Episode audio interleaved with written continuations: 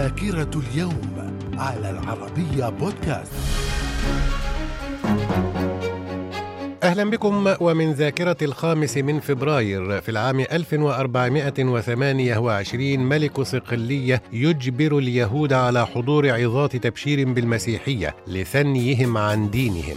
في العام 1777 ولاية جورجيا الأمريكية تقرر إلغاء توريث العبيد كخطوة في اتجاه إلغاء الرق تماما. من الذاكرة. ومن ذاكرة الخامس من فبراير في العام 1877 السلطان عبد الحميد الثاني يعزل الصدر الأعظم أحمد مدحت باشا عن الصدارة العظمى أي رئاسة الوزراء وينفيه خارج أراضي الدولة العثمانية بعد أقل من شهرين على تعيينه. في العام 1917 الشيخ سالم المبارك الصباح. يتولى الحكم في الكويت بعد وفاة أخيه الشيخ جابر المبارك الصباح. وفي العام 1962 الرئيس الفرنسي شارل دي جول ينادي باستقلال الجزائر. من الذاكرة. من ذاكرة الخامس من فبراير في العام 1974 مركبة الفضاء أبولو 14 تهبط على سطح القمر. وفي العام 1983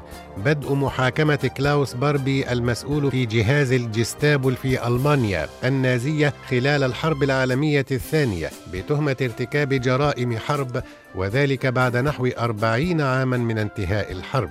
في العام 1988 إدانة رئيس بنما مانويل نورييجا بتهم بتهريب المخدرات وغسيل الأموال. من الذاكرة. ومن ذاكرة الخامس من فبراير في العام 2003 وزير الخارجية الأمريكي كولين باول يلقي خطابا أمام مجلس الأمن. يربط فيه بين الرئيس العراقي صدام حسين وبين جماعات أنصار الإسلام وتنظيم القاعدة. وفي العام 2015 مجلس نواب الشعب التونسي يعطي الثقة للحكومة الجديدة برئاسة الحبيب الصيد. من الذاكرة. إلى اللقاء.